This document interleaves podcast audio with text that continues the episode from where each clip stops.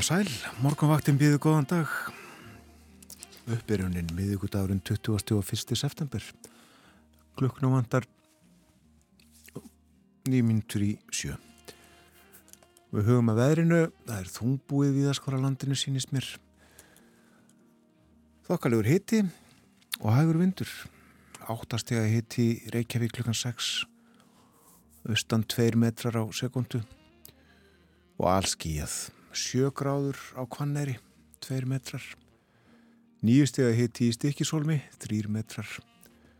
Skíjað, tíu gráður á Patrísfyrði og í Bólungavík, tveir og þrýr metrar á sekundu þar.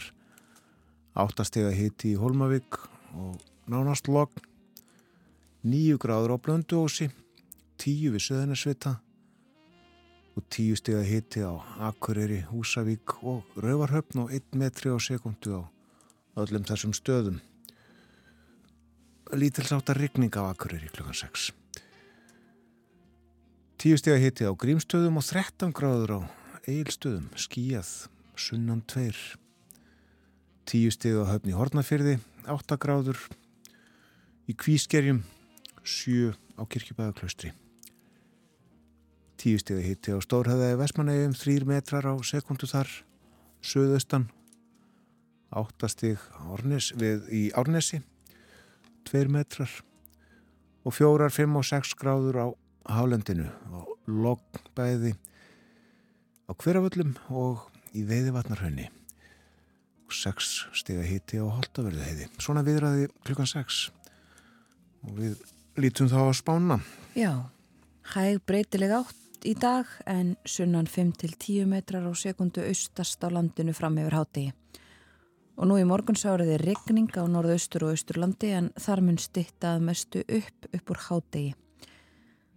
Og í öðrum landslutum verða skúrir á víð og dreif, engum síðdeis.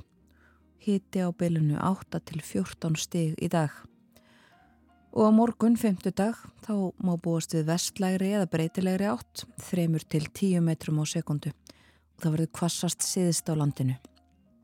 Súld eða regning með köplum en að mestu þurft á Suðausturlandi á morgun og hiti þá 6 til 13 stig. Og rétt aðeins að förstu degi þá eru höstjapdægur. Þá má gera ráð fyrir Suðvestan 5 til 13 metrum, kvassast norðvestan til, skíjað með köplum vestanlands en bjartum austanvertlandið og hitin söpaður 7 til 12 stig. Sá ég ekki einhver staðar að hittin hefði farið í eða yfir 20 stig fyrir austaningar? Jú, ég sá það líka í, í fréttum held ég. Mjög uh, gott viður.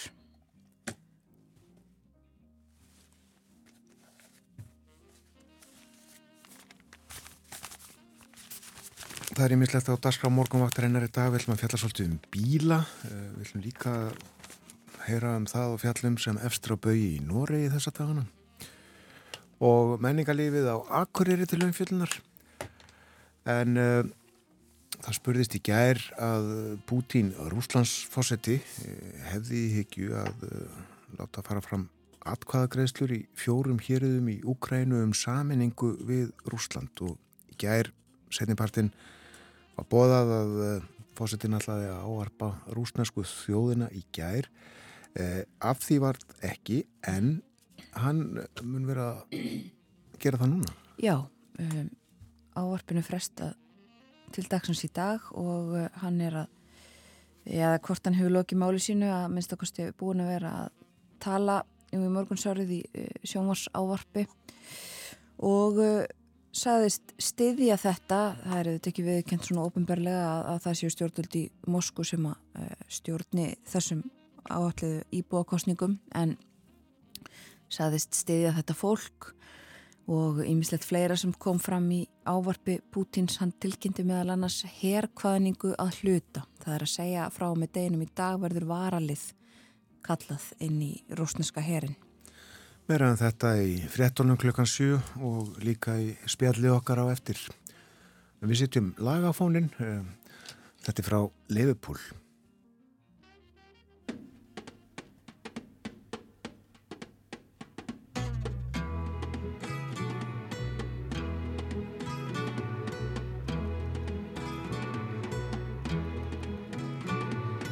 Life goes on day after day. Hearts torn in every way. So ferry cross the Mersey, cause this land's the place I love, and here I'll stay. People, they rush everywhere. Each with their own secret care. So ferry, cross the Mersey, and always take me there, the place I love. People around every corner, they seem to smile and say, We don't care what your name is, boy, we'll never turn you away. So I'll continue to say,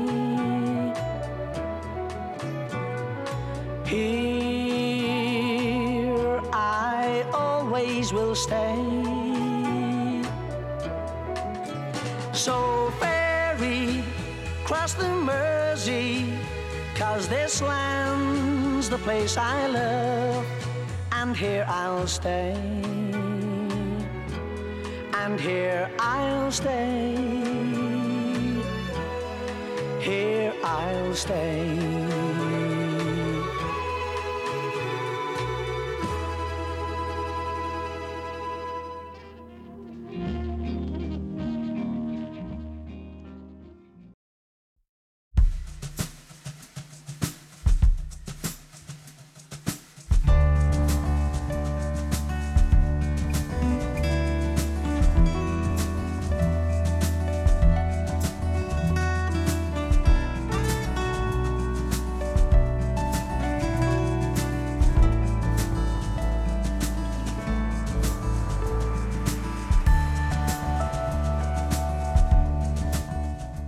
Morgumaktin helsar og býðu góðan dag. Það er miðugudagur 20. og 1. september.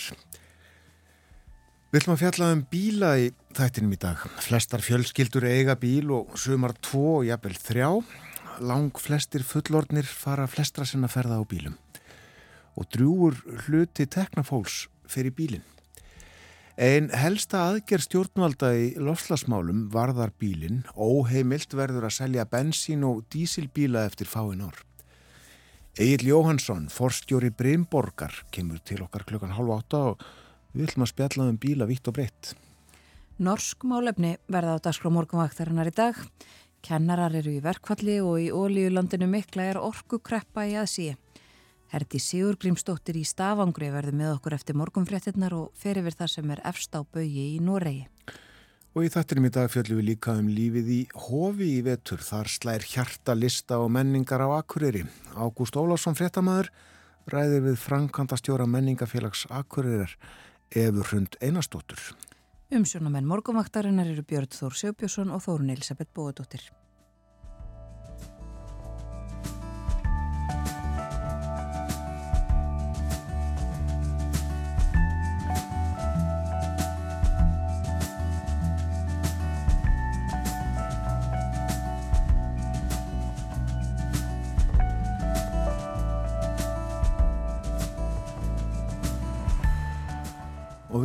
Að verinu áfram útlitt fyrir bara ágætis höstveður. Já, hæg breytilega átt í dag en sunnan 5-10 metrar á sekundu austast á landinu fram yfir hátti. Regning norð-austanlands en stittir upp eftir hátti. Það verða skúrir á við og dreif annar staðar, engum síðdeis og hitin 8 til 14 stig í dag. Svo verður vestlægaða breytilega átt á morgun 3 til 10 metrar, kvassast síðist, súldiða regning með köplum en að mestu þurft á Suðausturlandi og hitin 6 til 13 steg þá. Við lítum í blöðin. Myndin að fórsíði frettablasins tekin upp í turni Hallgrímskirkju þar sem að saman voru í ger Gretar Einarsson kirkjuvörður og ringjari og Einar Karl Haraldsson formaður sóknanemdar og þeir voru að skoða klukkuna í turninum en hana gáu grímseyingar á sínum tíma. Og nú alltaf þau í Hallgrímskirkju að þakka fyrir sig. Það hefur verið eins og við vitum að reysa nýja kirkju í Grímsey. Hún brann svo gamla fyrir tveimur árum, þreimur, eitthvað svo leiðis og verið að reysa nýja og í hana þarf auðvitað klukku. Og þau í Hallgrímskirkju ætla að gefa grímseyingum. Klukkuna, klukkurnar. Fallegt. Nú eh, svo er það rekstur sveitafélagana, nýðuskurður blasir við, segir hér. Afkoma stæstu sveitafélaga landsins það sem afir ári er umtalsvert verri en áallanir gerður áðfyrir og uh, munum við nýðustöðunar hjá Reykjavík sem við fjalluðum um fyrir nokkru. Nýðustáða allutar neikvæðum tæpa nýju miljardar og verðbólgan er uh, megin skýringin á slæmri ákomu að mati stjórnundarsveitafélagana segir hér í frettablaðinu Þá hefur launakostnaður aukist og stöðugildum fjölgað samhliða auknum kröfum í málaflokki fallaðs fólks. Og það er rætt við Heiðubjörgu Hilmistóttur, hún er formaður sambands íslenskra sveitafélaga, borgarfulltrú í Reykjavík, hún segir hljóðið þungt í sveitastjórnafólki um allt land. Þessi niðurstaða segir okkur að við höfum ekki mikinn tíma til stefnu. Við þurfum að setjast niður með ríkinu og ákveða hvernig við ætlum að tryggja nöðsynlega þjónustu sem sveitafélagum ber að veita lögum sangkvæmt. Og uh, það þarf að óbreytu að grýpa til róttækra aðgerða á nýðuskurðar, segir hér einnig. Og uh, alveg sem frábær mynd af fórsíðu morgumblaðsins tekinn uh, með dróna eða úr einhverju flíildi og uh, að sérst sem sagt uh, ofan í jökulgil sem var smalað núna á dögunum. Og heilmikil uh, umfjöllur, eða ekki heilmikil svona þokkalegu texti allavega um smalamennsku á landmanna afrétti og segir hér smala, smala Fjallamenn þeir voru að koma með sapnið að valanúkum sítiðis í gerð þegar bladamaður náðu tali af fjallkonginum. Það verða smala núkana, sölvarhaun og fleiri svæði þar. Og þetta er heilmikið verk, þetta er, þetta er stort svæði og uh, erfitt uh, yfirferðar auðvita. Uh, bara eins og segir hér, afrétturinn er gífulega víðáttu mikill að miklum hluta háfjöll og örafi og víða langt á milli haga. Víða er torfært, stendur fyrsta leit í viku og uh, þarna er uh, leitað og smalað bara á tveimur jafnfljótum eða á hestum, það er ekki hægt að nota fjórhjól. En það er sem sagt einn dag á ári sem að má fara með vélknúin aukutæki þarna inn í jökulgilið og það má sjá þau svona ef grant er skoðað á þessari stórbrotnu mynd af fórsíðu morgunblæðsins og hana tók róar agestað. Og svo er það eh, rámagnið en uh, skortur á rávorku gæti ógnað hagvexti á Íslandi. Þetta kom fram í máli Vilhjáms Egilsonar á fundi um orkumál á dögunum. En Vilhjálmur er í forsvari eða var á kynningafundi um vindorku og orkutengda atvinnusköpun í Borganesi og á þessu fundi voru jafnframt fulltrúar vindorku fyrirtækja og Norður Áls. Vilhjálmur auðvitað lengi í pólitíkinu var þingmaður, svo var ráðanettistjóri og, og hann var líka frangatastjóri samtaka atvinnlýsis og rektor á Bifröst. Og svo er það helbriðisráðanettið og háskólaráðanettið sem í samstarfi við Háskóla Íslands og Landsbítala ætla að ráðast í fimm aðgerðir til þess að fjölga háskólamentuðu hilbriði starfsfólki á næstu árum. Fjallaðum þetta en uh, þau áslög Arna Sigurbjörnsdóttir háskólamálar á þeirra og Viljum Þórtórsson helbriðis á þeirra lögðu í gerð í samanningu fram minnisblæði ríkistjórninga erum málið. og meira ráþerunum íslenski ráþerar uh, í New York í bandaríkunum þar sem að allsherjar þing saminuðu þjóðana fer fram. Fórsetis á þeirra Katrín Jakobsdóttir var viðstöld opnun allsherjar þing saminuðu þjóðana í New York uh, í uh, byrjun ja, í, gær bara og sömulegðis er Þórtís Kolbrún Reykjörg Gilvadóttir þeirra stödd þar og verður þar áfram. Ásmundur Einar Daðarsson, ment og badnamálar á þeirra var líka þar forsættisráð þeirra og badnamálar á þeirra átti fund með framkvæmdastjóra UNICEF meðal annars í gær. Og svona eins og þetta gengur á þessum fundum verða að funda með hinum og þessum. En uh, Katrín Jakobsdóttir forsættisráð þeirra uh, að ég held farin heim frá New York að minnstakosti en Þórtís Kolbrún verður þarna áfram og í bandaríkunum og, og uh, það er hægt að fylgjast með, með hennar ferðalögum og samfélagsmiðlum auðaríkisraðanættisins sé ég hér.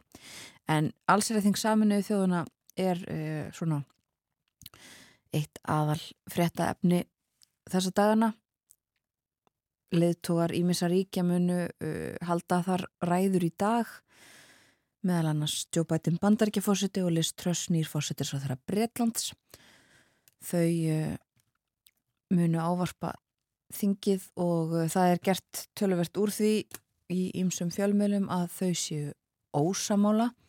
Um, Joe Biden tjáði sér í gæra á samfélagsmiðlum um að hann væri uh, hundleiður á því sem að kallað er á íslensku bröðmóla kenning eða bröðmóla hagfræði en uh, það er eins og er eitthvað aðferðafræði sem að Liz Truss er sögð aðhellast og að hún muni á uh, í sinni ræðu í dag uh, hvetja ríki heimsins til þess að lækka skatta og afnema í mjög skjöld frelsið er næst þannig frelsið hefst með skattalækkanum segir í einhverjum fyrirsögnum á bresku blöðunum sem sem að eru búin að fá greinilega einhverjar upplýsingar um það hvað hún hyggst segja í dag. Þetta eru sagt, bóðun á miklum breytingum um, í Breitlandi.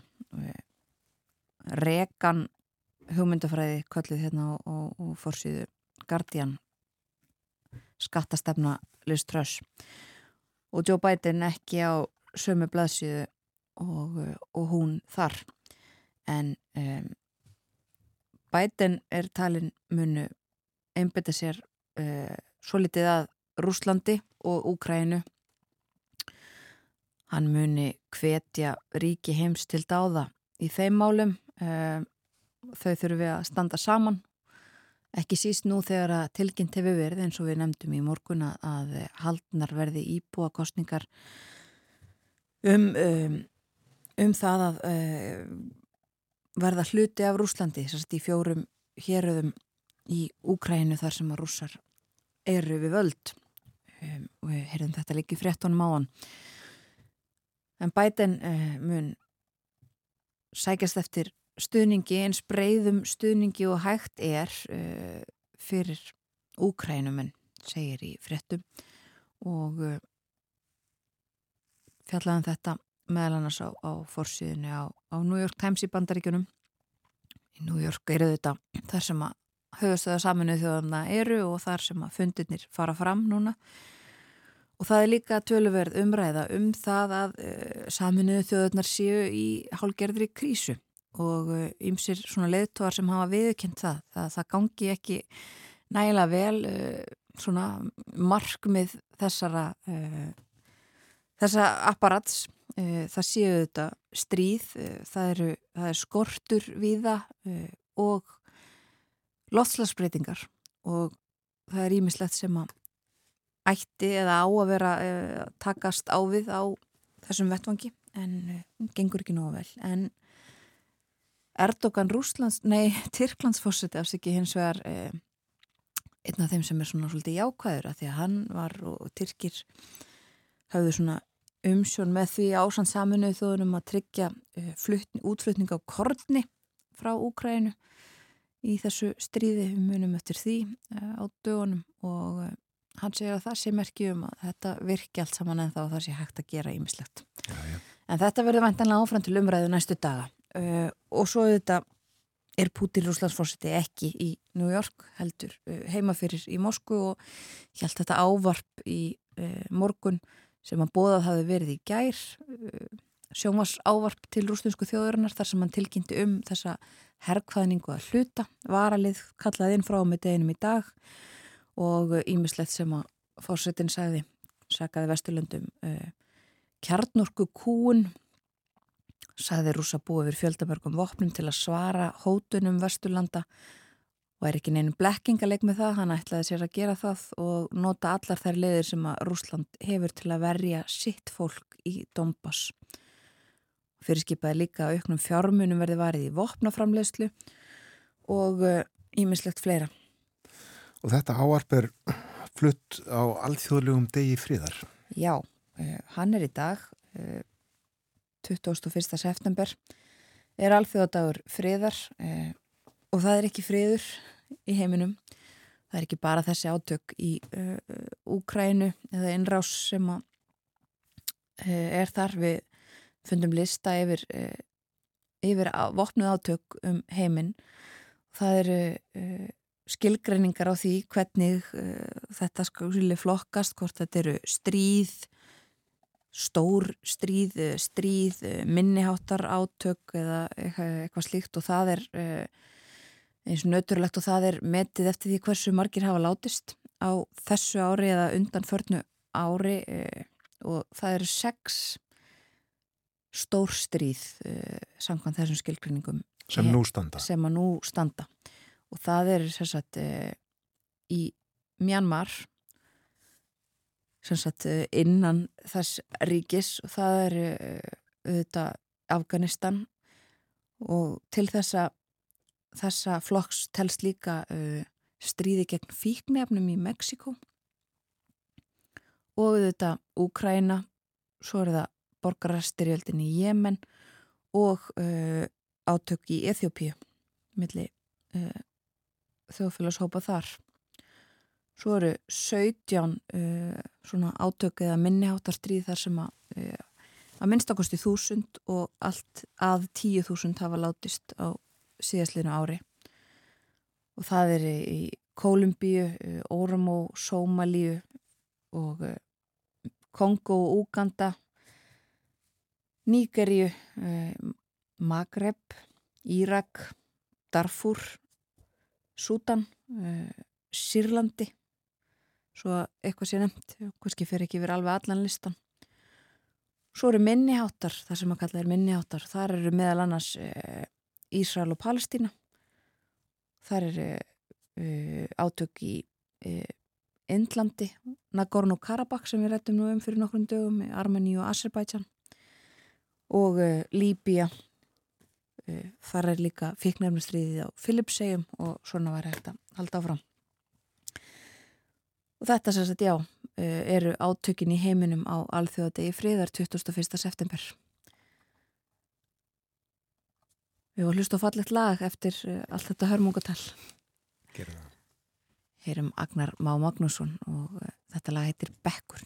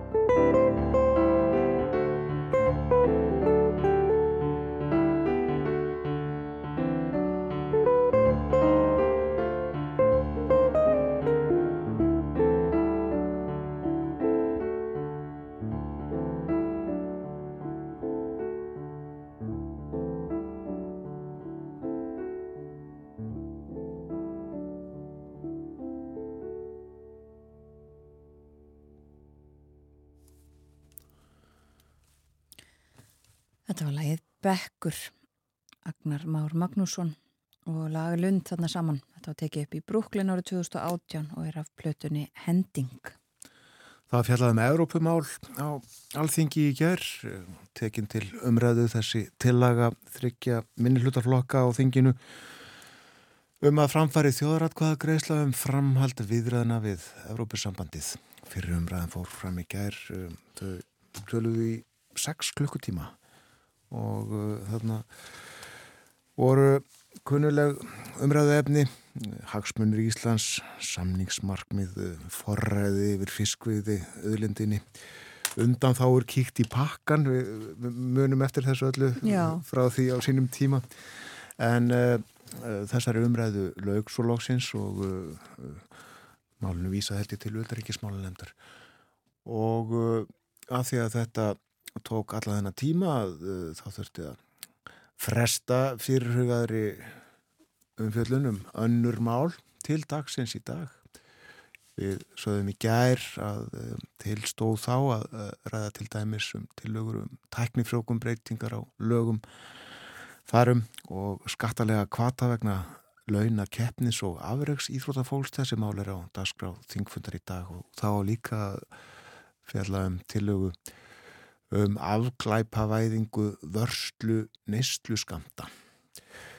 Nú uh, nefndir þingsins funda fyrir hádegi og uh, meðal hans velferðarnemnd fundur þar klukka nýju og uh, á dagskrá skortur á lífsnöðsynlegum livjum fyrir börn. Ég sé þetta bara í, í dagskráni en hef engar frekari upplýsingar um hvað þarna er á ferðinni, hvað á að ræða hvað það er sem að, fælst í þessu skortur á lífsnöðsynlegum livjum fyrir börn. En það kemur vondi í ljós á eftir. Þurfum að fá að vita hvað um þetta. Já, og uh, áfram líka uh, svona alþjóðafundir hjá þingmunum. Talandum Evrópusambandið að þá uh, hefst klukka nýju fundur sameinlegar þingmannanemdar Íslands og Evrópusambandsins í hörpu. Það verður fjallað um samskipti Íslands og Evrópusambandsins, orkumál og lofslagsbreytingar og innrásina í Úkræn. Þetta hefst klokka nýju og ímislegt annað líka. Er alþjóðlega fundir í NATO-þinginu, Norrænir samráðsfundir og fleira. Það er vona á Agli Jóhansinni, forstjóra Brynborgar til okkar hingað í hljóðstofu. Við ætlum að tala við hann um bíla, bara bísna vítt og breytt, eins og það heitir í handriti og eh, eftir morgunfrétnar klukkan 8 ringjum við til Noregs og þar svarar Herdís Sigurgrímsdóttir við ætlum að eh, fá hana til þess að segja okkur frá því sem er efstabögi í Noregi. Við höfum fjallað hér í spjalli á mótnana um kennaraverkvall í landinu og orkukrísu og fleira sem herdis fyrr yfir og eftir. Og svo er það menningalífið á Akureyri. Eva Hrund Einarstóttir, framkvæmdastjóri menningafélags Akureyrar verður gestur okkar hálf nýju Ágúst Ólarsson, frettamæðar á Akureyri spjallar við hanna. Um það sem er á dagskrá í vettur. En frettæðiflitið kemur eftir smá stund.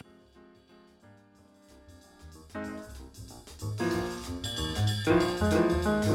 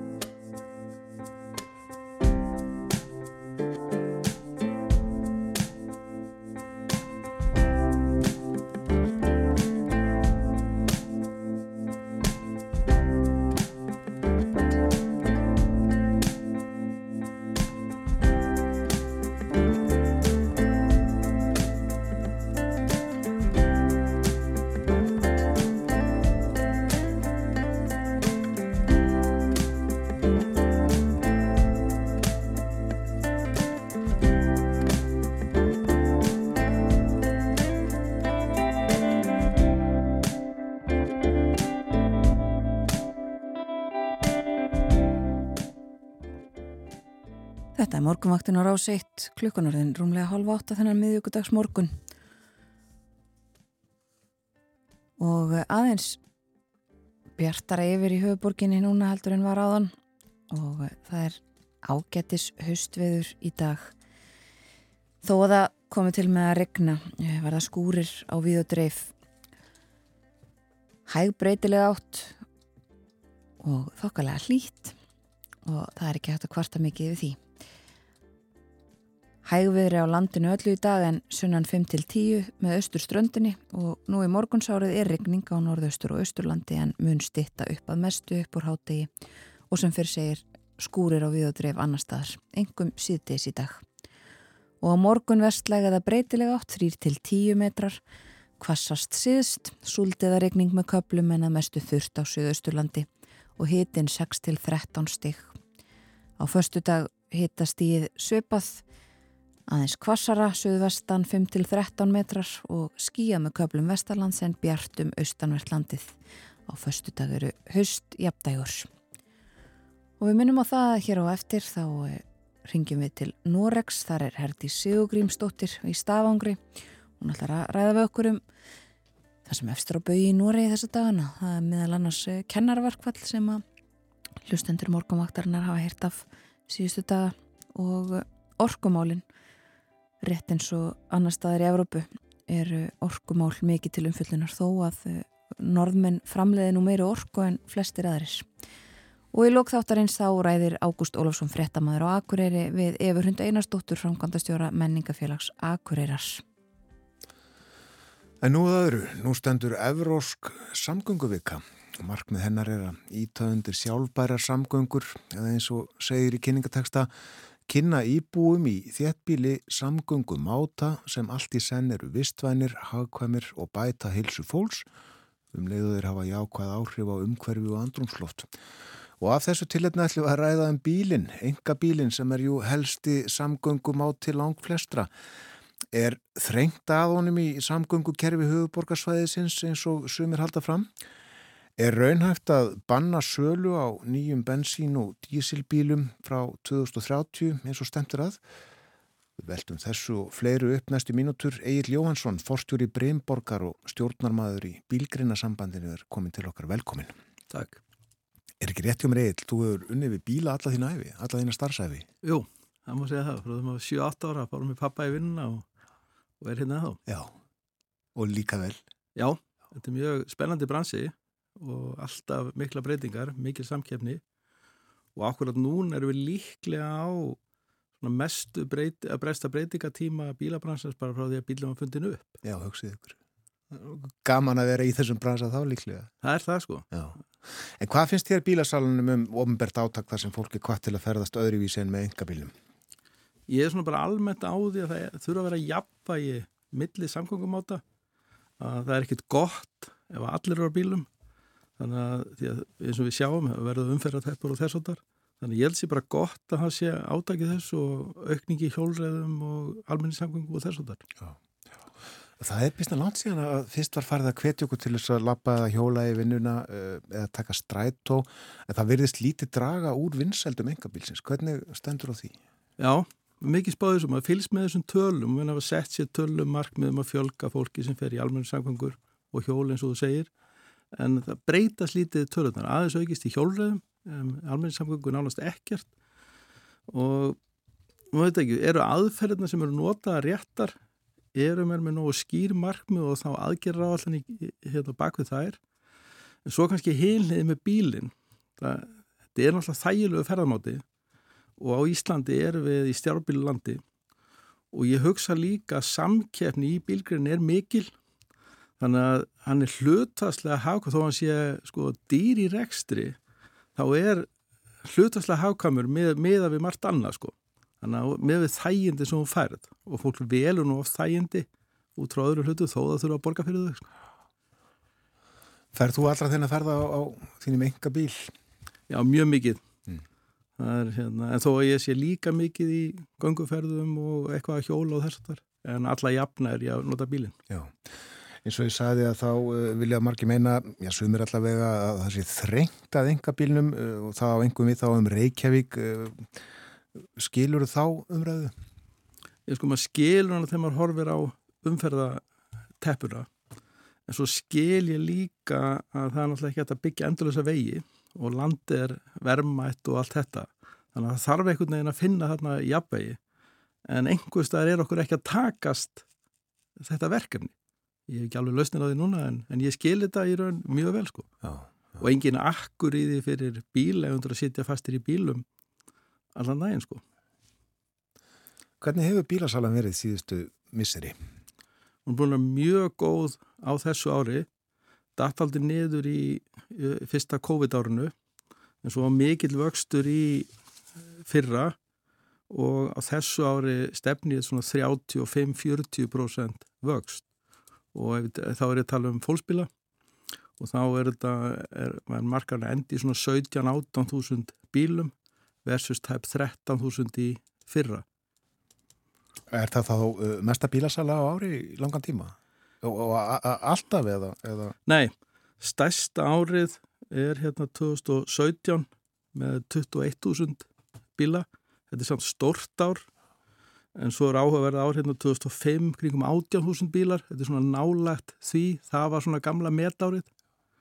Og svo með fyrir enn lengra, 87 var 18.000 bílar. Í því hvort mun eftir því þá var, voru kjærasamningar, tóla voru lækkar á bílum og skattlust ár. Alveg rétt. Og þegar þetta fór saman, þá keftir sér allir bíla. Já, og þetta eru rosalega margi bíla, við vorum talsveit færri þá heldur en núna. Miklu færið þá, já. Já, já. En hvað var í gangi hérna 2004? 2004-05 var í raun gengi alveg gríðalega stert, það var rétt fyrir hrunnið og þetta er aldrei á Íslandi ef að gengi styrkist óeðla mikið þá ekst innflutningur óeðla mikið og bílasalan vext gríðalega mikið. Og svo kemur þessi fræga leiðretting og gengið, og eins og við, við lendum í þetta er mestar hrunni Íslandsögunar þegar við fórum í bankarhunnið en þetta voru svona góðæris árin þar á undan. En tölu oft um að 2007 hefur verið metárið en það var reyndar 2005 Og uh, já, útlitt fyrir að 2022 verði bara býstna gott. Já, mjög gott ár, já. Já. Og nú ertu að tala ekki bara um, um uh, þig, það gengur vel hjá keppinautuninu líka, er það ekki? Jú, þetta er náttúrulega bransinn, Já, ég segi það sko. já. hann er að vaksa Já. og, og flest er að vaksa svona svipaður á bransan. Við erum að vaksa heldur hraða, við erum eitthvað 50-55% vöxt á árinu við samtími fyrra. Já. Er hör samkeppni með leikar? Já, ég myndi segja það. Það er bæðið náttúrulega svona fimm stór bílaðumbúð og svo nokkuð minni. Og svo er alveg gríðalög fjöldi smerri aðila sem flytjum bíla. Og tókum einhvern tíma greiningu að fyrir nokkrum árum að fjöldi aðila sem flutt inn fimm eða fleiri bíla voru yfir 200 þannig að það er til dælu að þetta er svona aðg, það er oft talað um aðgangshindranir í, í samkjöfnismálum og þær eru mjög litlar að flytja um bíl get, og, og í raun Evrópusambandi hvetur til þess, þú getur í raun sem einstaklingur keift bíl hvar sem er á Evrópska efnaðarsvæðinu og svo eru þetta Íslandingar að flytja inn bíla frá Ameríku líka þannig að aðgengi að bílum er freka gott þannig að samkeppnin er mikil Já.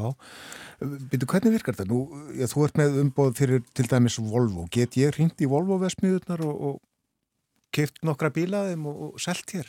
ekki volversmiðnar en þú getur hérna keift sem einstaklingur bíla hjá söluðalum um allt Europasambandi og þetta er ákveðin reglugjör sem er gefin út af Europasambandinu árið 2003 kallast Block Exemption Regulation til þess að auka samkeppni í bílgræninni en síðan aftur á móti eru við sem umbóðsæðali og þurfum að uppfylla ákveðinar sölukröfur.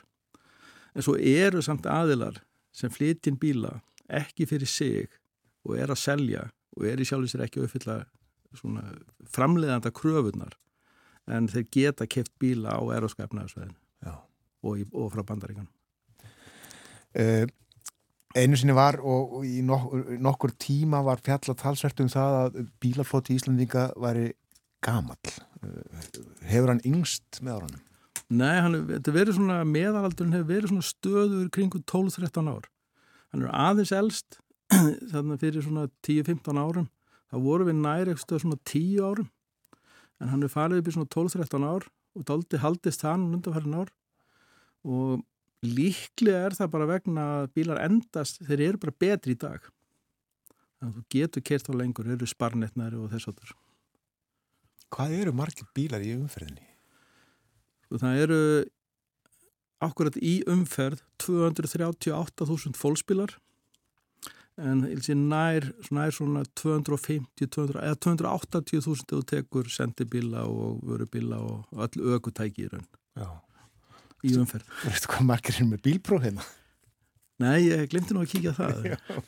Þannig er ekki þessar tvöru aldrei Nei, ég er ekki, en svo er alltaf fyrirtæki Einmitt. sem eiga alltaf bíla og bílalegur. Já. bílalegur til dæmis flotin hann var núna í 1. ágúst 24.500 bílar bara sem dæmi. Uh, ræðum þá eiginlega þessa ákvörðum stjórnvalda að, að banna sölu á nýjum bensín- og dísilbílum eftir 2030. Uh, þetta er einn helsta einstaka lofslags aðgerðin. Uh, er þetta raunhæft og sangjart og bara gott mál eða, eða ómögulegt í meira lagi að þínu mati? Já, þetta er, örgulega, þetta er mjög umdeilt en, og það þarf eitthvað að koma í staðin og miða við svona hraðan á rafbílavæðingur því að það er augljóst að rafbíla eiginlega verða lausnin.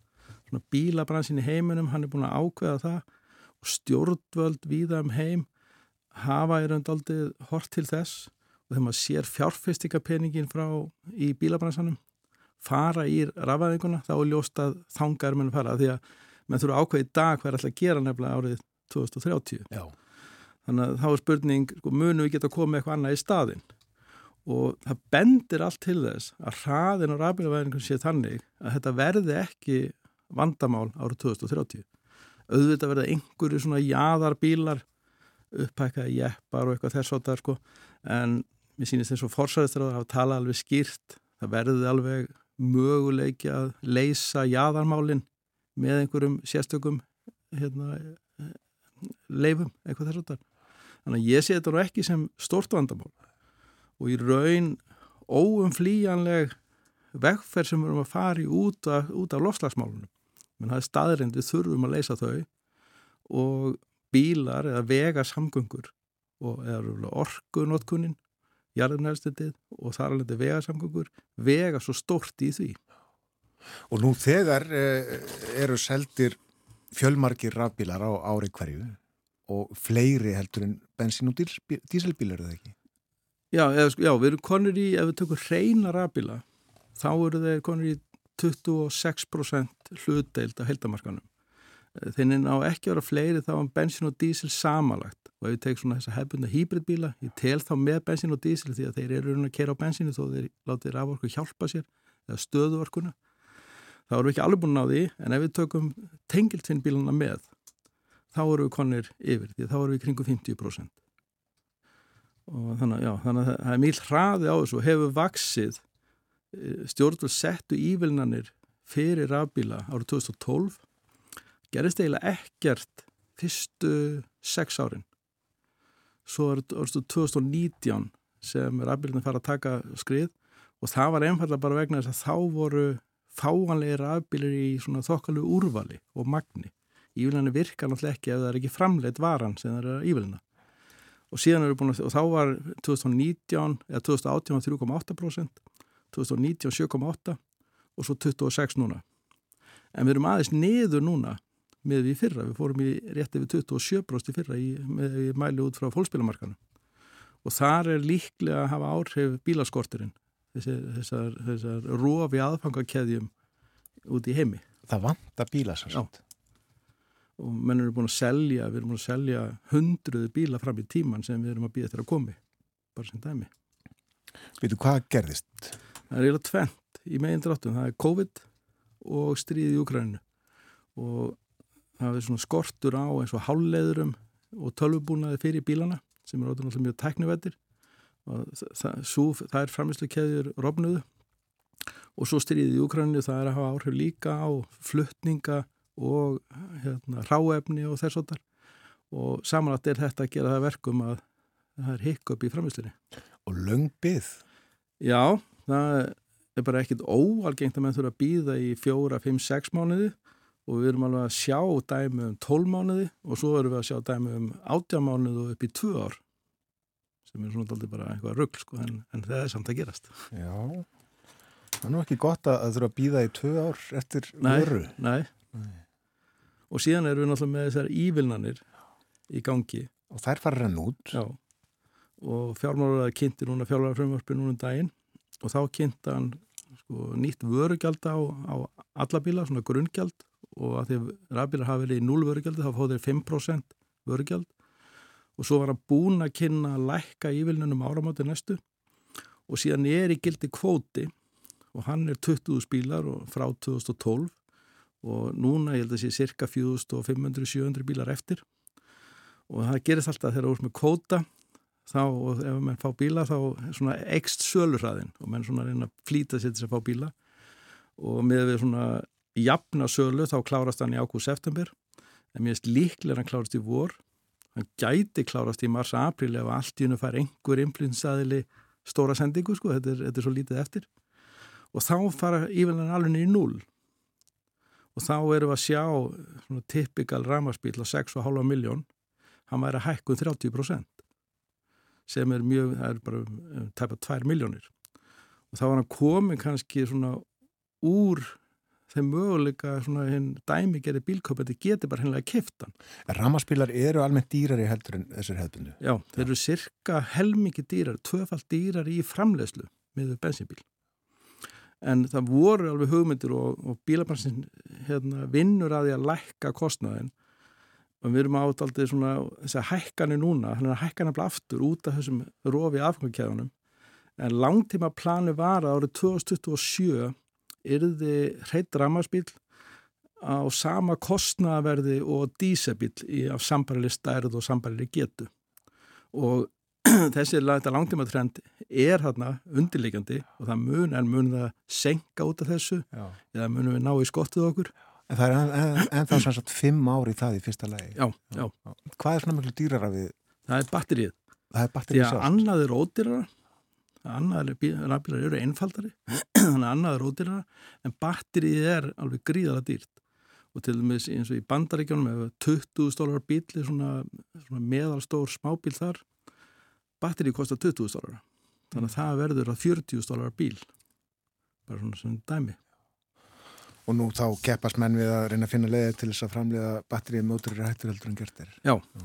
og þar er við að sjá bæði fjárfæstingapenning fara inn í bílaframlöslu en líka inn í batterithróun og batteriframlöslu mm. og þar er rosalega þróun en auðvitað tekur þetta allt tíma, það þarf að testa og þess að þar, þannig að 5-6 ár er engin tími í þessu en við sjáum samt rosalega byltingu, bara eins og nú erum við að byrja að kynna uh, eh, ráknúna þungaflutningabíla.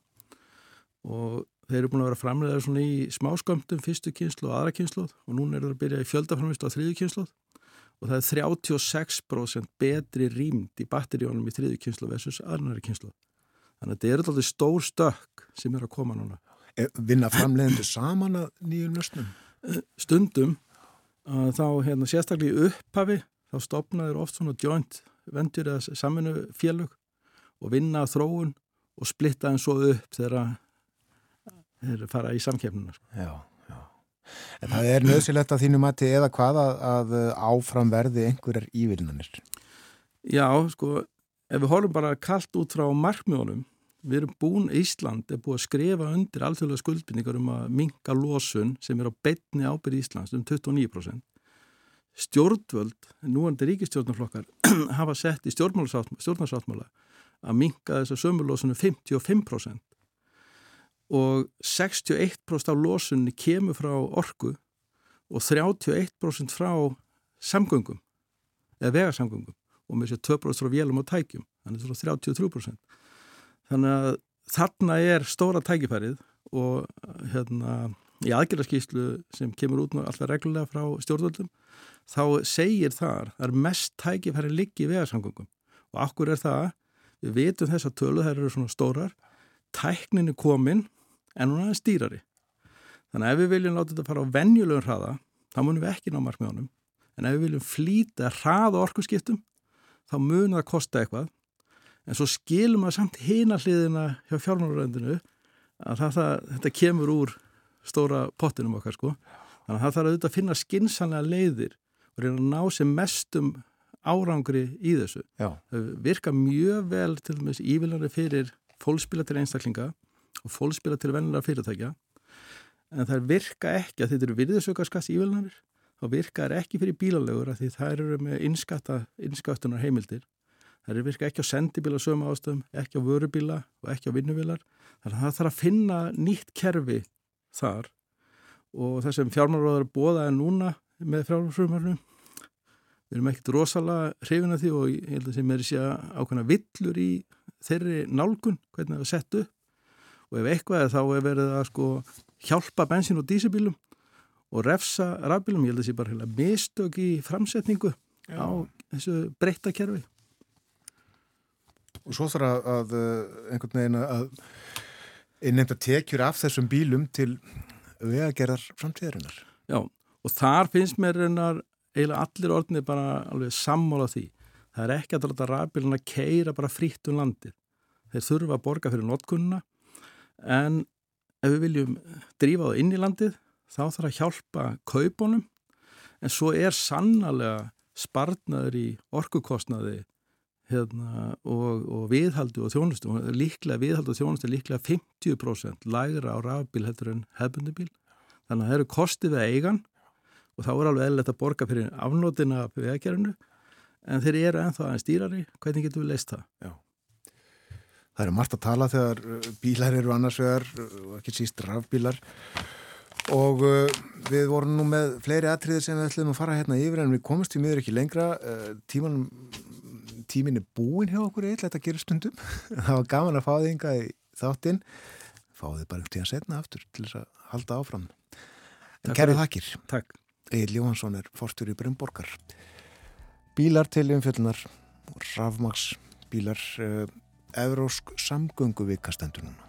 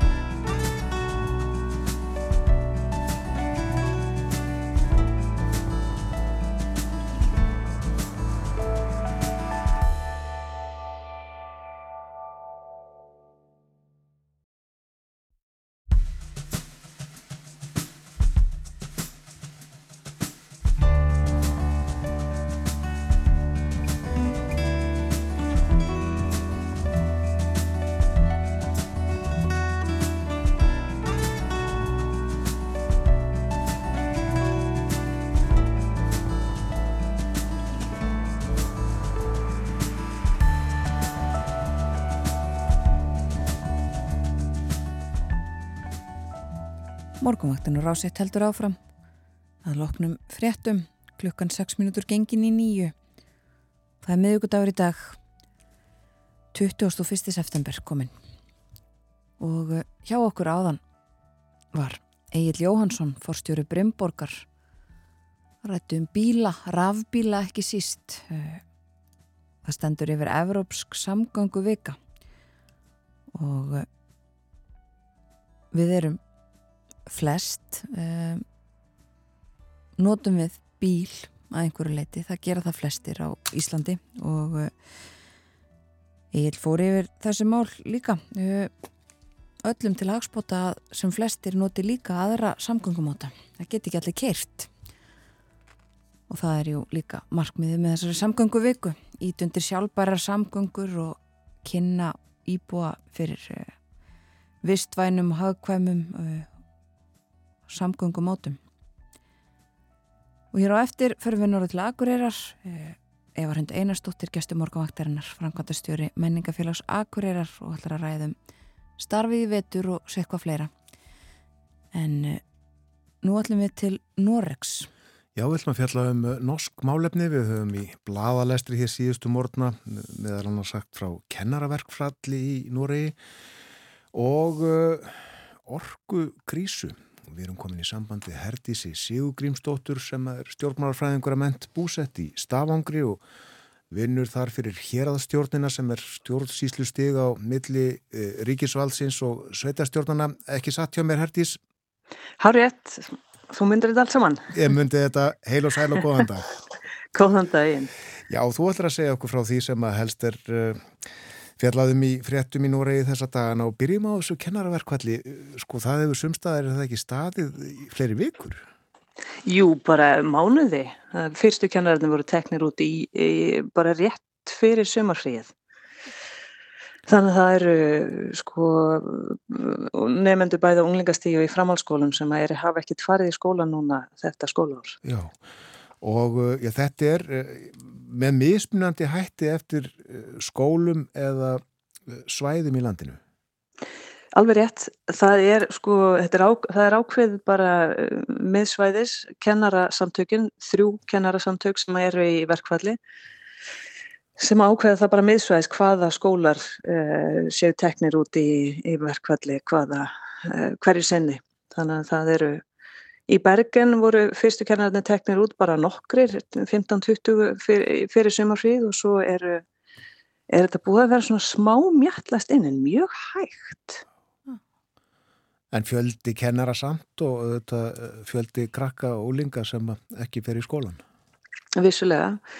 En það er, held ég að sé, enn ekki neittn í, í verkvalli til dæmis hérna í Stamangri en þú færni aðeins aðeins sunna til Brínu, þar eru, þar eru núna heil framhaldsskóli í, já svona alltaf því heil framhaldsskóli í, í verkvalli og í, í Haugesund, hinn um einn við búkferðin, þar þar er búið að vera verkvall í sumum framhaldsskólum bara í mánuð. Þetta er mjög misskipt. Já. Já, og eru áform um að sko auka enn frekar í að það fari ennþá fleiri skólar eða sérst kennarar í verkvöldi ennþá fleiri skólum og ennþá fleiri stöðum? Það er búið að vera að trappa þetta upp bara svona hægt og bítandi en svona frekar hægt.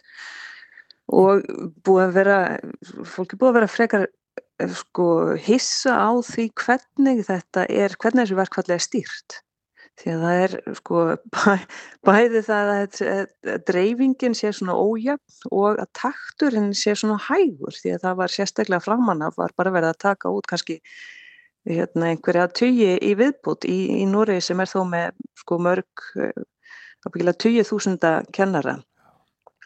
Þannig að þetta er það hefur hlutið talsverða gaggríni að þetta sé sko þeir nefendur sem eru búin að vera lengst þá án, án kennslu eru búin að vera svo lengi án þess að verkvallið í rauninu far, sé farið að býta á þjóðfélagi, það sé farið veikin en að sérlega eftirtækt. Og gengur ekki en á samningum? Nei, ekki neitt. Og börn í Nóri er vantanlega líka uh, eins og annar staðar að koma út úr koronaviru faraldri þar sem að skólastarfi var líka skert? Það er einmitt, það er einmitt meinið sko, það er verið að benda á það og, og sko áhyggjurna stöðugt að vaksa af þeim sem eru búin að vera lengst í verkvalli. Í, í koronafaraldrinum þá var þó, þá var þó hægt að hafa heimakenslu og það var, voru alltaf einhverju fóreldra sem voru heima og, og hérna, eh, stuðningsapparatið var, var nú það var til staðar þó að það væri kannski stundum á Teams.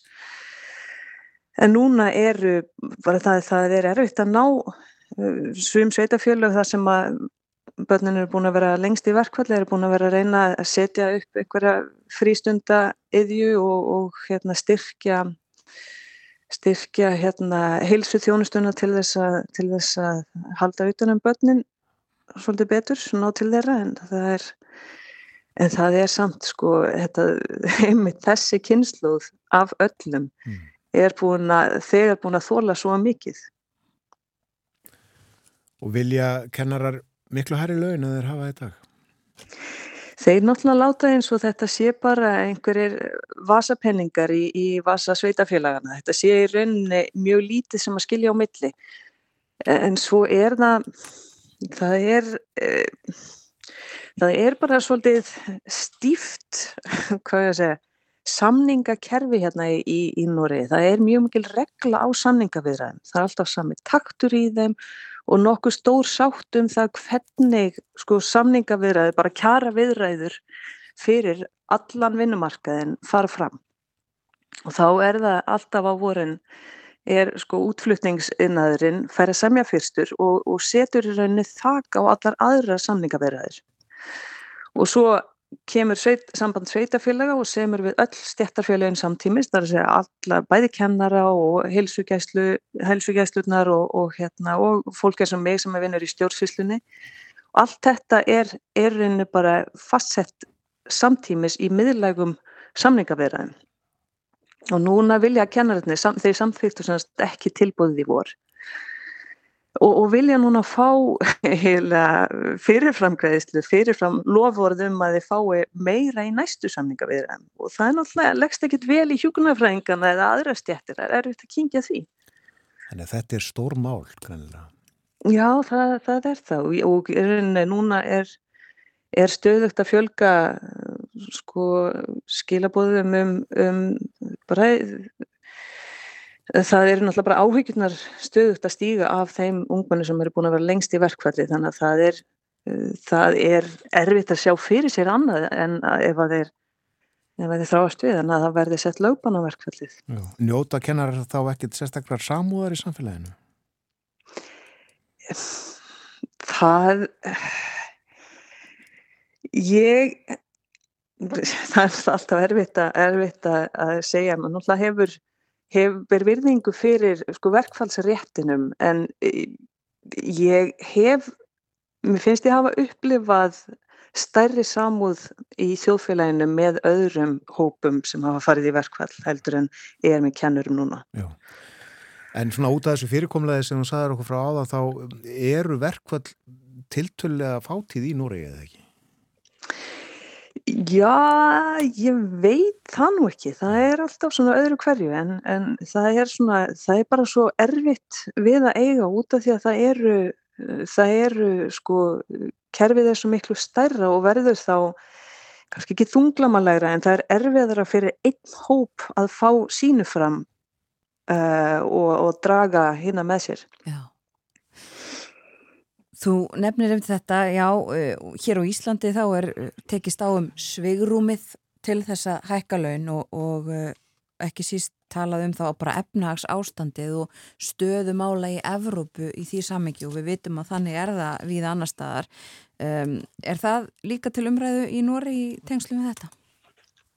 Já, það er í rauninni bara, sko, liggur alltaf liggur alltaf fyrir og er, er ástæðan fyrir því að, að hérna, útflytningseðnarinn færa að semja fyrst og, og í rauninni mm. setja þakk fyrir alla hinn að laun í Nóri eru svo hánu þegar að ef að, ef að sko ofinberigeirin eða verslun og þjónusta færa að hérna íta laununum enn hærra upp, hærra en það sem útflytningseðnarinn þólir þá verður, þá uh, segir alltaf innarinn það að þá verður ekki innarinn Nóri samkeppnishæfur við, við hérna, þann erlenda marka sem við, við reynum að selja okkar vörri. Mm.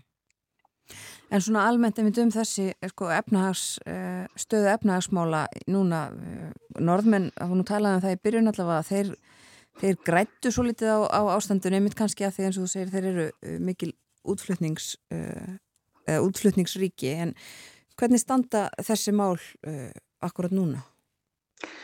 Það er, já það er alveg rétt, hefur, hefur sko var gaggrinni með þess að í hérna það var fekk gaggrinni í Economist, það var svona lítill dálkur þar sem hann var verið að gaggrina Noreg fyrir að, fyrir að græða á, á hérna, orkumálunum og háa orkuverði sem að hefur skapast eftir, eftir sérstaklega eftir stríði í Ukrænu. Já.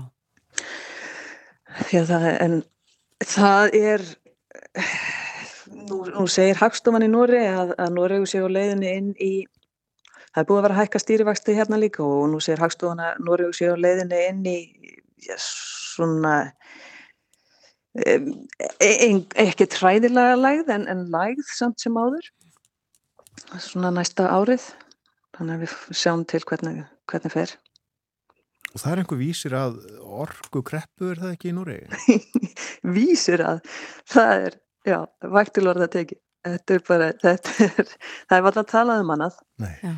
Og þetta er orðið, sko, uppáhalds áhugamál líkum við að segja sérstaklega kvítra meðaldra kallmanna að, að hérna stöðugt að aðtuga hvað kostar rafmagnir núna, hvað kostar rafmagnir núna ég er mitt bí með einum slíkum sem er alltaf að segja svona hertís við getum ekki farið í styrt á morgun það verður óttýrt nei, nei. En hérna hann segi núna er á morgun kostar rafmagnir 7 norska krónur kilowattíminn á morgun kostar 8 krónur. Það búið að vera sífært að hekka uh, var sko þegar áður en að áður en að hérna Rúsland riðist inn í Ukrænu þá var þegar voru þegar búin að vera fréttir af, af því að það væri lítið í uppistöðulónunum. Og þá hækkar rafmagnsverðið bara af því og svo náttúrulega var bara þessi orkukreppa sem er orðið í, í Evrópu. Og Suður Noregur er tengdur Evrópu eh, í, með streng og, og ég býn alltaf þar í, á dýrasta svæðinu í Suðastu Noregi og það, það, það þýðir það að þegar verðið er hátt í Evrópu þá er bara markaður en stýri því að þá er, þá er verðið hátt í Núrei líka, Suður Núrei því að það er, það er ennþá lágt í Norður Núrei Já, en það hefur bara hækkað og hækkað og hækkað, segir við Já, í aðtúðan áður en að þið ringdu það í morgun þá kostaði kilowattíminn 6,27 norska krónur, það er 85 íslenskar og það reiknast með til að sé svona kannski tífalt dýrara en á Íslandi og það var tí, komið upp í 10 krónur svona 150 íslenskar í síðustu viku. Já, þetta tekur í pingina. Já, það gerir það, það gerir það sko, en svo kom ríkið inn uh, í byrjun ás með svona hérna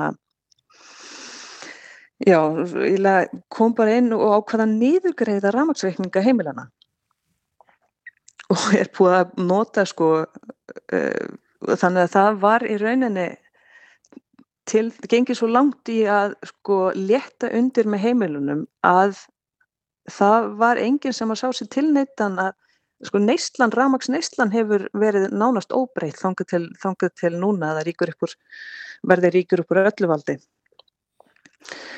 Það var, það var nú ekki kannski heppilegt heldur, það, það máttu nú kannski aðeins draga úr, það var alveg rúm, rými til að draga aðeins úr ramagsneislunni en það, það gerðist ekki út af því að ríkið bara tók reikningin Já.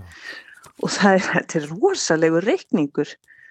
Í ár er norska ríkið að fara að nota 44 miljardar, það eru 600 miljardar íslenska króna til að niðurgreiða ramagsreikninga. Það er aldrei lis. Þetta, þetta er rosalegt.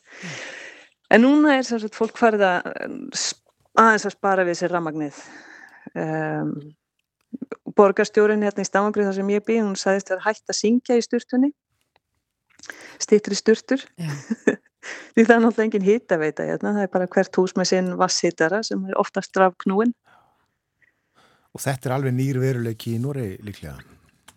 Já, bara það að hug, þurfa að hugsa út í ramagsreikningin. Þetta er náttúrulega bara búið að vera eitthvað klink, eh, svona svolítið eins og er á Íslandi, að maður svona, þarf ekki droslega mikið að hugsa út í það. En það er, það hefur heldur betur breyst. Og hafa uh, aðrar vörur hækka líka í verði og þjónusta?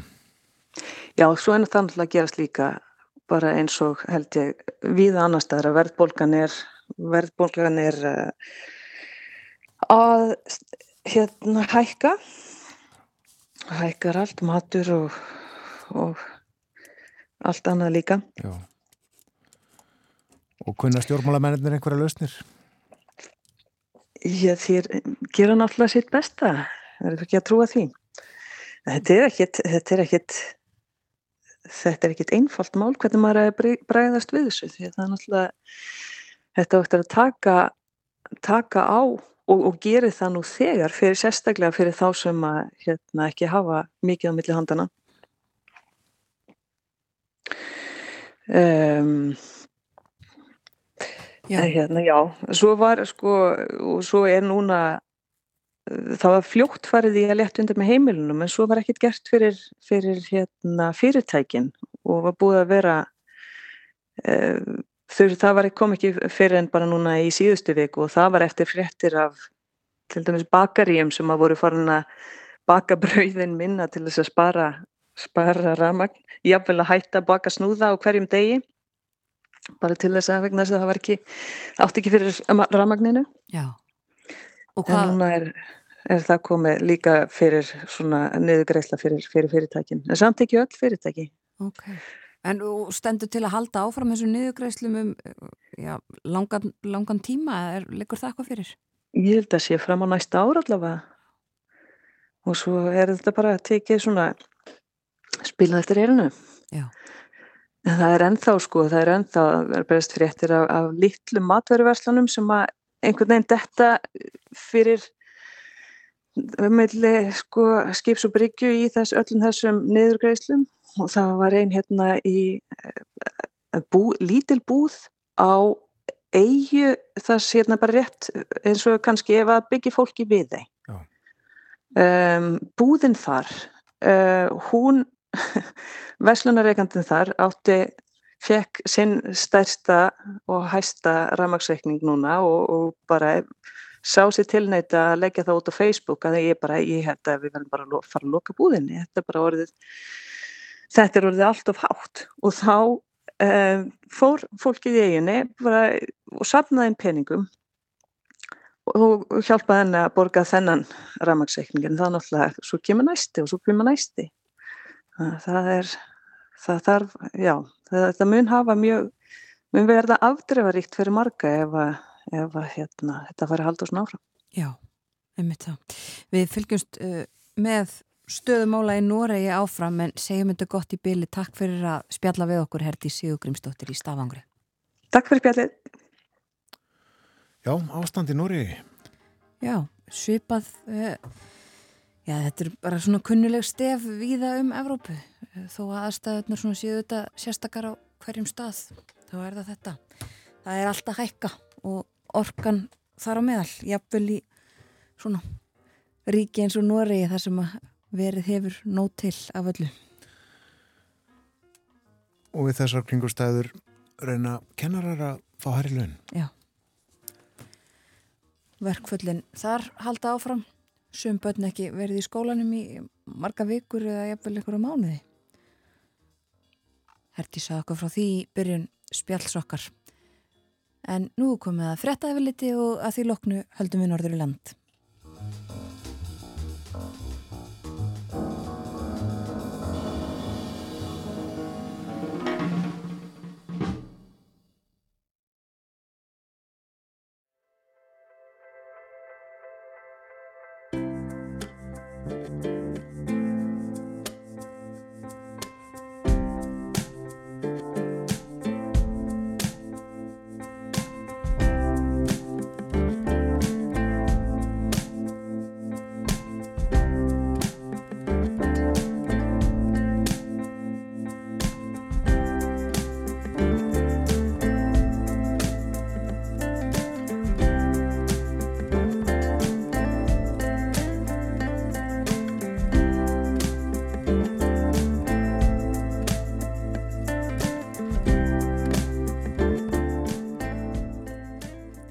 Morgumvaktunar áseitt heldur áfram síðasti hluti þáttarins í dag framundan klukkan orðin leðilega hálf nýju.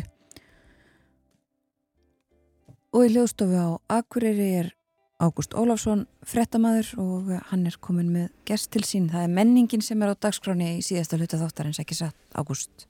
Jú, það passar. Nú ætlum við að tala um menninguna og menningafélag Akureyrar, hún er sæst hjá mér Everhund Einarstóttir, frangandastjóri menningafélagsins. Velkona morguvakt. Já, takk fyrir. Eh, er þessi, þessi, þetta félag, það eru mikil umsvið, við erum að tala um leikfélag Akureyrar, Sinfonal Hljómsveit Norðurlands eh, og tvö menningarhús, menningarhúsið Hóf og síðan, síðan gamla samkumhús í, innbænum. Þetta er mikið starfsemi og já, það er kannski haustið er, er nú stóri tími leikúsanna og, og, og tónleikana og það er mikið framundan hjá ykkur vantalega núna, núna næstu, næstu vikum. Já, já, nýtt starfsára í rauninni hefst á haustin hjá, hjá okkur og eins og þú segir það er þetta mjög viðamikil hérna, viðamikil starfsemi. Við erum að reyka þarna í rauninni sa saman þrjú félög sem voru og starfseminn er bara eiginlega komin á fullt hjá okkur og það er rosa gaman að sjá húsin fulla lífi núna aftur eftir þessa COVID tíma og hérna gaman kannski bara að segja strax á því að leiklistaskólinn er meitt hóf göngu sína núna í, í vikunni fyrsta skipti í sínu svona e, eigin rými hérna niður í hófið við erum nýbúið að gera upp nýtt rými fyrir leiklistaskólan og við erum aðvar þakklátt akkurabæ fyrir að fara í það með okkur En svo náttúrulega rosalega spennandi starfsár bæði hjá, hjá leikursinu og, og symfóníu hljómsveitinni. Mm. Við byrjuðum nú strax bara á akkurra vöku þá hérna, fórum við nú að stað með tónleika hérna, e, með symfóníunni og náttúrulega mjög stóra dagskráð. Við erum náttúrulega líka með mjög stórt viðbyrðasvið og veist, það er fullt af öðrum hérna, aðlum sem koma og spila og, og leika í húsinu heldur en, heldur en symfónían og, og hérna, leikfélagið. Þannig að það er bara búið að vera full dagskraf núna síðustu vikur, mikið um fundi og rástöfnur og, og tónleika en ári hjá okkur lítur rosa vel út og ég tel að bara vera afar metnafullt við hérna erum búið með tvenna tónleika og erum inn í tvennar leiksýningar. En nú að næstunni eru hérna tveir einleikir í samkómuhúsinu einleikurinn Líf eftir Margreði Sverrisdóttur og, og síðan er það Fýblið eftir Karl Ágúst Úlsson og hérna síðan eh, ef við horfum á leikárið þá er náttúrulega rosa spennandi verkefni í januar og mjög stór söngleikur að fara á sviðið í samkvæmunahúsinu. Það er Chicago og ég veit að mm. margir býða spenntir eftir að, að sjá það en það engar smá kannanur að stíga á svið í samkvæmunahúsinu og meðal annars eh, Jóhanna Guðrún og Marget Eyr, Björgun Frans er að koma og Þórdís Björg sem hefur verið hjá okkur áður í, í hérna til dæmis í Benedikt Búolvi sem var nú að fá ettu verlun fyrir sjónvasefni ásins sem var valið var að áhorfundum þannig að hérna já, mjög spennandi ár hjá, hjá leikursinu hjá okkur. Síðan er Sinfonia, næst er það Jói Pjó Króli og það verður mjög spennandi að sjá rappið með symfóníu hljómsveit. Þetta er nú svona síðustu tónleika hjá þeim í byli þannig að ég er mjög spennt að sjá hérna flottu lögin þeirra mm. með symfóníinni e, síðan eru nýjástólingar sem margir hafa beðið eftir því að náttúrulega COVID setti svolítið stryk í rekningi starfsmennar hjá menningafélaginu síðust árin.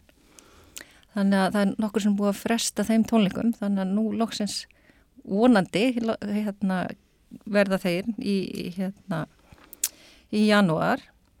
Síðan er symfónían með mjög flotta páskatónleika til dæmis.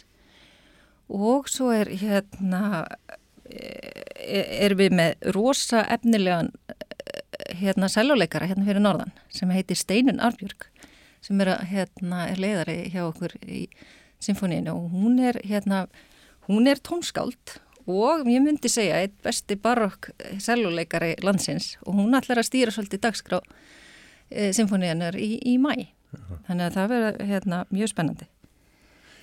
Symfónialjónsettin hefur verið áberandi mjög áberandi svona síðustu já bara síðustu árin og ekki síst fyrir þessa þetta erlenda samstarf og, og, og eftir að eftir að hofið var eiginlega breytt að hluta til í, í hljóð, hljóð upptökustúdíu og fyrir svona stóra hljónsveit þeir eru búin að vera að vinna með ellendu kvikmyndaframleðendum og, og symfóníun er komin inn á hún hljómar orði í bíomöndum og hérna og sjóanserjum út um allt og, og þessi starfsemi eh, hún hefur verið orðið hún er orðindaldið bara stór þáttur í eh, bara hérna, inn, inn í hofi Já, þetta er búið að vera bara mjög spennandi hérna verkefni og, og þó ég sé nú bara nýttekkin við sem frangandastjóri að þá er ég nú fylgst með þessu verkefni gegnum pólitíkina þegar ég var nú áður bæjarfjöldröði og hérna, veist, þarna er í rauninu bara komið ný starfskrin hérna fyrir norðan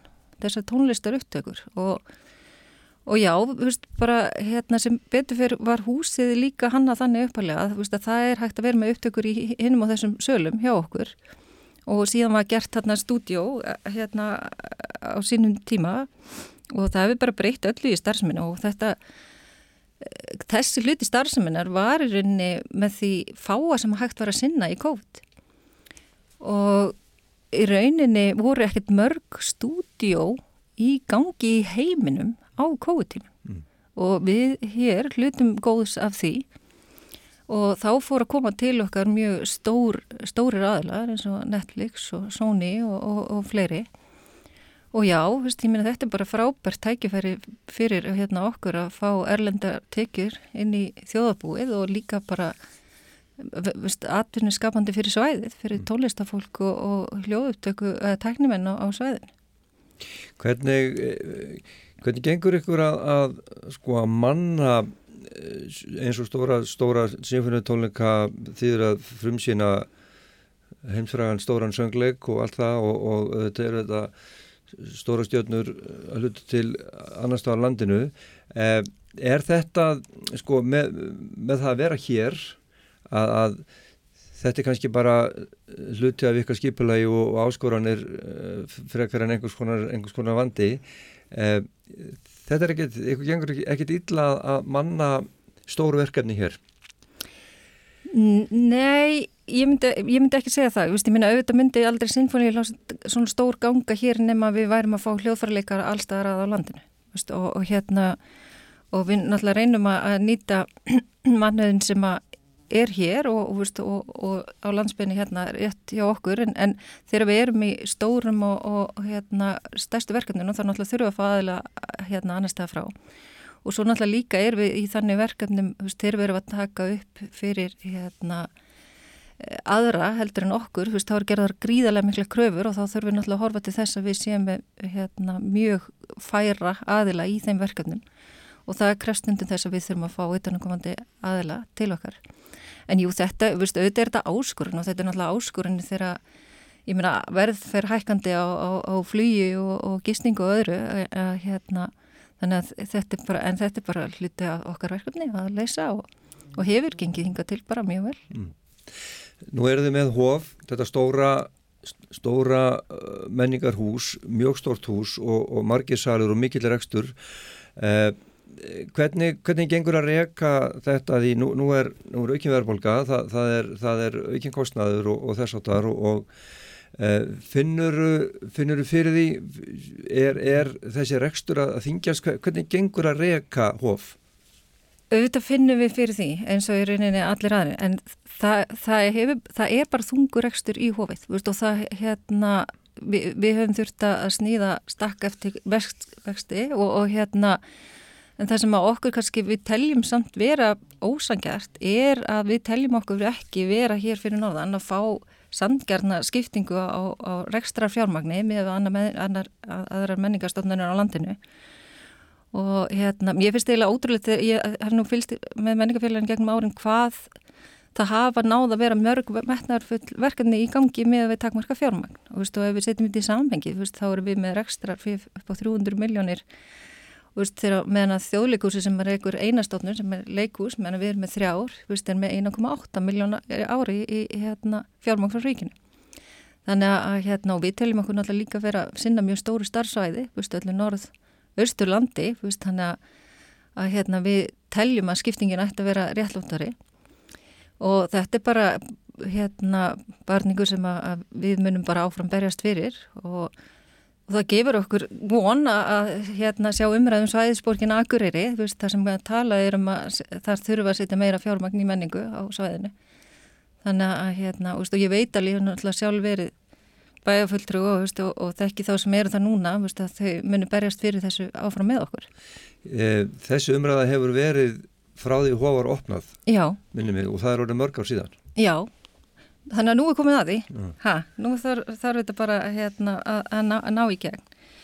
Þegar ég minna, veist, eh, bara rannsóknir sína veist, og ég minna bara við líka bara nefnum dæmi veist, hérna á Norðurlandunum að hafa svona menningu eins og symfóniuljómsveitir og atvinnuleikus á öðrum stað heldur en bara í hófiborgum skiptir gríðarlega miklu máli. Og hérna þannig að við þurfum líka að horfa til þess hér á Íslandi. Mm. Nú er aðalfundu framundan hjá menningafélaginu og, og, og farið að taka samanvendalega rekstartölu hana. Hvað kostar að rekka hóf á ári? Já, það kostar allavega Já, það kostar allavega meira heldur en við höfum haft í tekinn núna. Við vitum það núna að við munum komið í mínus á, á, á næsta, eða það, það, síðasta ári. Þannig að hérna, við þurfum að taka til litið þess núna á hérna, komandi restarári. Mm. Við erum alltaf ekki búin að klára að setja saman alveg ásetningin þannig við erum bara ennþá að vinna í því þannig að kannski ekki rétt að mér að fara að gefa upp einhverja ákveðnar tölur í, í, í því samengi en þetta er bara áskorun en veist, sem betur fyrir erum við með svo frábæran mannauð og hérna sem er nú eina ástafn fyrir því að mér langar að fara að vinna þarna veist, að, hjá menningafélaginu að, að þau eru að gera alveg ótrúlega magnaða hluti fyrir takmarka fyrir. Mm. En það allavega, maður sér kannski ekki svona útáfið að, að enda eru þau vantilega ekkit að berjast í bökkum þó segir að sé kannski, kannski sjá frá meiri takprækstur en, en áður en, en það er glæsileg verkefni og, og hérna og kannski e, þá meiri tekjur ef að þið eru með, eru með leiksýninga sem að, sem að þið getur selgt mikið að miðminn á. Já, já, veistu, hérna, við náttúrulega verðum að hafa það í, í bland, veistu, að hugsa til þess að vera með svona, hérna, verkefni sem eru mjög söluvanleg, veistu, og, og hérna, og ég tel að Chicago sé til dæmis eitt af þeim og, og verkefnum, veistu, og við finnum alveg fyrir því í, í meðasölu, veistu, þannig að það mjög, hérna, fer mjög vel, vel af stað. En svo líka bara verður að hafa það í huga því að nú veit ég, veist, var búin að heyri öðrum kollegum mínum, að það er hérna, fólk er ekki alveg farið að koma aftur tilbaka eins og var, veist, við erum kannski að sjá 70% hluta af þeim sem að voru í leikúsum og, og tónleikum hérna, fyrir COVID, veist, þannig að hérna, það er kannski líka það sem er að, að hafa áhrif. En ég heyr alveg og ég finna fólk er svona, veist, já nú þarf ég að fara, fara að drífa mig, að hérna, sumir eru orðnir, hafa orðið heimakæri sem maður skilur alveg vel mm. líka. Já. Þannig að ég heyrið á þér að, að þið ætlið að halda halda þessu til haga að þessari kröfu að ykkur finnst að það þurfi að jafna útlutanir á menningarpenningur ríkisins? Já, við minnum að sjálfsögðu berjast fyrir því, veist, en ég vil ekki endilega berjast fyrir því að, hérna, minga til annara menningarstofnana, veist, heldur auka hlut okkar, veist, að, hérna, ég held bara að allir hafa átt að segja það á því líka í COVID, hvað bara menning skiptir miklu máli, við þurfum að hérna, á henni að halda bara til að halda jákvæðinu og gleði í líf okkar. Mm. Þú tóstu þið bara í vor? Já. Og, og hérna, Edgar er búin að setja vilinni reksturinn að sjálfsögðu en, en, en þú kant vel við þetta, þú, þú er búin að vera í, hér í politík og, og fleira og fleiri bænum og alveg búin að svissa yfir þetta.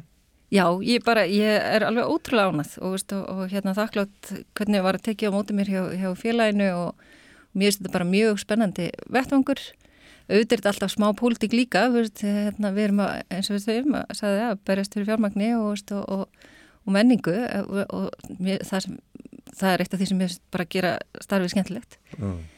og hérna, já, ég hérna bara ána með þessi skipti en, en ég hef sagt það áður að veist, ég var ekki hægt í pólitíka að mér finnst það leðilt þannig að ég vildi bara aðra áskurinn og getur vel hugsað mér að fara í pólitíkina aftur en, en já, ég er bara ótrúlega ánað að vera komin í þennan stól. Já. Uh, Við töluðum um hvað verið framöndan í leikúsinu, hvað er næsta stóra, já það er Jói Pjóð Króli hjá Sinfoníunni. Já, hjá Sinfoníunni er það Jói Pjóð Króli og næstu helgi og þar næstu helgi er það einleikir í, í samkvæmhúsinu. Já, ég svo Gissupáll er að, er að hérna tróð upp. Já, hann er að koma hérna með tónlistarfélaginu og það er náttúrulega, við erum fullt af öðrum verkefnum heldur en bara okkar eins og ég sagði, okkar eigin framlýslu, þannig að það er mjög spennandi að dagskrá viðbjörnsöðinu hjá okkur, eins og nýdönskir að koma, Frýrik Ómar verður fóttið með sína jóla, frábæru jólatónleika sem að fáir vilja missa af. Vistu, svo er hérna gafin nefna það, félag eldriborgar er haldið på 40 ára ammal sitt og ætla að vera með flotta tónleika í hofi.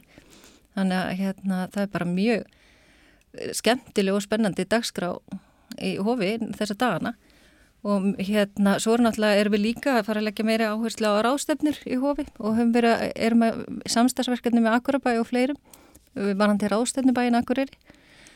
Og nú náttúrulega kemur, er næs er farið að fljúa með hérna fyrstu beinu flugi hingað og, við erum að vonast til að það hérna muni og ég er eiginlega bara samfærðum það, það muni hafa áhrif á að við hugsanlega getum farið að marka setja okkur fyrir erlendum rástefnum líka.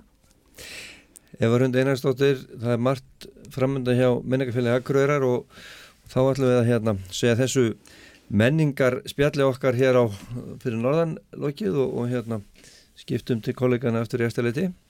Þakkaði fyrir þetta Ágúst og já, við bara förum í of og á Bendit Búorf.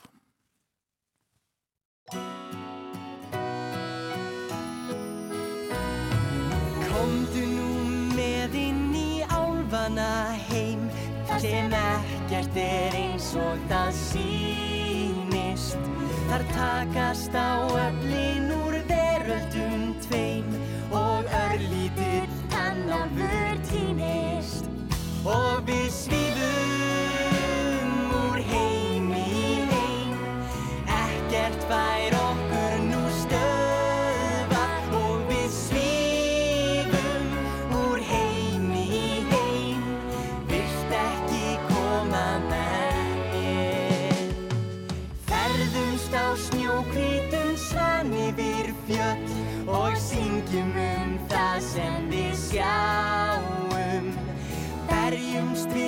drega og dökkálf og tröll sem dveljast í hellinum háum.